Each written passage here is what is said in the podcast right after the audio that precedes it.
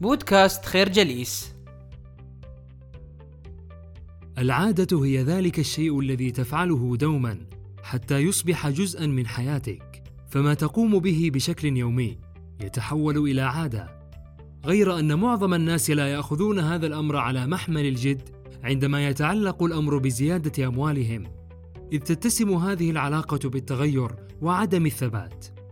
وهذا يوجب على الإنسان أن يتعهد بالالتزام تجاه مستقبله المالي بشكل يومي لا محيد عنه. فلا يجب أن يستثني الإنسان عاداته المالية عن باقي العادات. فالمستقبل المالي مثله مثل التمارين الرياضية يجب أن تحافظ عليها وتداوم. ليست دوما قوتك تتركز في إبداعاتك أو مواهبك بل السر الأكبر يكمن في قوة التركيز. أي يجب عليك في نهاية المطاف أن تفرق بين مناطق تميزك ونقاط ضعفك. فلا بد أنك تجيد بعض الأشياء وتتفوق فيها كما أن هناك بعض الأشياء التي تقوم بها قد لا تكون أي فائدة مرجوة من ورائها. بمعنى أنك يجب أن تحدد نقاط قوتك في مقياس من عشر درجات يبتدئ بالرقم واحد وينتهي بعشرة. وهنا فكل المكاسب والمميزات التي تحتل الدرجة العاشرة هي من تستحق أن توليها العناية الكبرى بدل أن تركز على ما لا يستحق منك ذلك. الفكرة تغيير عاداتك السلبية والتركيز على نقاط قوتك يؤدي إلى الحفاظ على مستقبلك. الأشخاص الناجحون لا يأتون إلى هذا العالم من خلال خطوات اعتباطية لا مجال للتخطيط فيها، إنما يضمن للإنسان نجاحه في هذه الحياة هو قدرته على أن يرسم في مخيلته صورا مثيرة عن المستقبل. فمعظم الأشخاص الذين لا يملكون صورا عما يكون مستقبلهم يكون مصيرهم الإخفاق والفشل في منتصف الطريق. ولكي تنشأ هذه الصورة في مخيلتك يلزمك البدء بخمس دقائق اسبوعيا تزيد تدريجيا حتى تصل لحدود ساعة. وهذا كفيل بأن تكتسب عادة الوضوح غير العادي في التركيز والرؤية المستقبلية.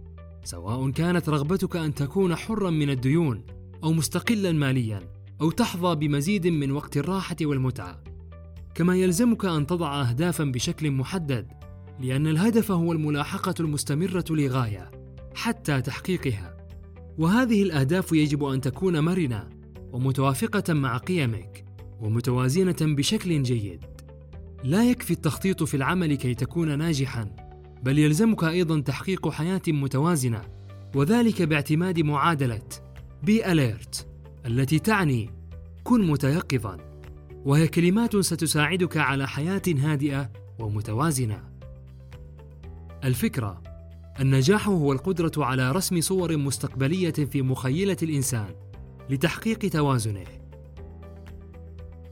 كثير منا يتساءل عن تفكك العلاقات الاجتماعية فهناك الكثير من العلاقات الزوجية انتهت بالطلاق وكثير من الصداقات تحولت إلى حالات عداء وهذا يلزمنا بإعادة التفكير من جديد في شكل هذه العلاقات المتصدعة وإعادة بنائها على أسس متينة وقوية. ولن يتأتى هذا الأمر إلا إذا فكرنا مليا بالأسباب الكامنة وراء ذلك. فحتى إذا كانت العلاقة التي أنت بصدد التفكير فيها من الصعب إنقاذها فعلى الأقل التفكير فيها يجعلك مستعدا للبقاء بشكل أفضل في العلاقة القادمة. لكن هذا الأمر ليس بالسهولة التي نتوقعها. لهذا يلزمك أن تقول لا للأشخاص الهدامين أو أولئك الذين يسممون أفكار الناس ويسرقون طاقتهم فهم ينظرون للعالم بمنظار أسود. كما يجب أن تخلق جوا مناسبا تحقق فيه أنت والطرف الآخر علاقة جيدة. إضافة إلى العلاقات الجيدة. يحتاج المرء إلى منسوب كبير من الثقة وهو الشيء الذي يتعذر فعله من طرف مجموعة من الناس. وغالبا ما يواجهون مشكلات الحياة وصعوباتها بأن يدفنوا رؤوسهم في الرمال أو يتأرجحوا بين الإحجام والإقدام أو يواجهوا المسألة بشكل مباشر. ولكي يتجاوز الإنسان هذه العوائق يلزمه التغلب على كل المخاوف وبناء الثقة في النفس وذلك عبر خطوتين أو مبدأين. الانتهاء من أعمالك المعلقة وتحقيق أعمق مخاوفك. الفكرة الثقة والنجاح في تكوين علاقات مميزة عاملان أساسيان في ضمان مستقبل أوضح. لا بد من الإقرار بأن في هذا العالم لا يمكن أن يستجيب الناس إلا لمن يملك موهبة السؤال ويحرصون على ذلك. فإذا كنت مثلا لا تقترب من تحقيق ما تسعى إليه. أو تصبو إليه فإنك على الأرجح لا تسأل في هذا المجال أو ذاك الهدف. لكن كيف يمكنك تعلم السؤال؟ يمكنك ذلك من خلال عبارة من ثلاث كلمات تذكرك دوما بالسؤال. دائما always ابحث عن seeking المعرفة knowledge. وإذا تأملنا في بداية الكلمات سنجدها تحيلنا إلى فعل سأل بالإنجليزية ask. فماذا يعني ذلك؟ إنه يعني الرغبة في المعرفة أو استخدام المعرفة كقوة حقيقية. إضافة إلى السؤال هناك عامل آخر أو استراتيجية أخرى تساعد الإنسان على مواصلة نجاحاته. هذا العامل هو الإصرار أو المثابرة وتكمن أهمية هذا العامل في كونه يجعلك تضع نفسك بعيدا عن الضغوط النفسية والشعور بالملل والقهر. فعندما تعيش حياتك في ظل الأشياء التي تصر عليها وتثابر من أجلها فانت تضع نفسك في موضع القوة وتشعر أنك ممسك بحياتك ومسيطر عليها.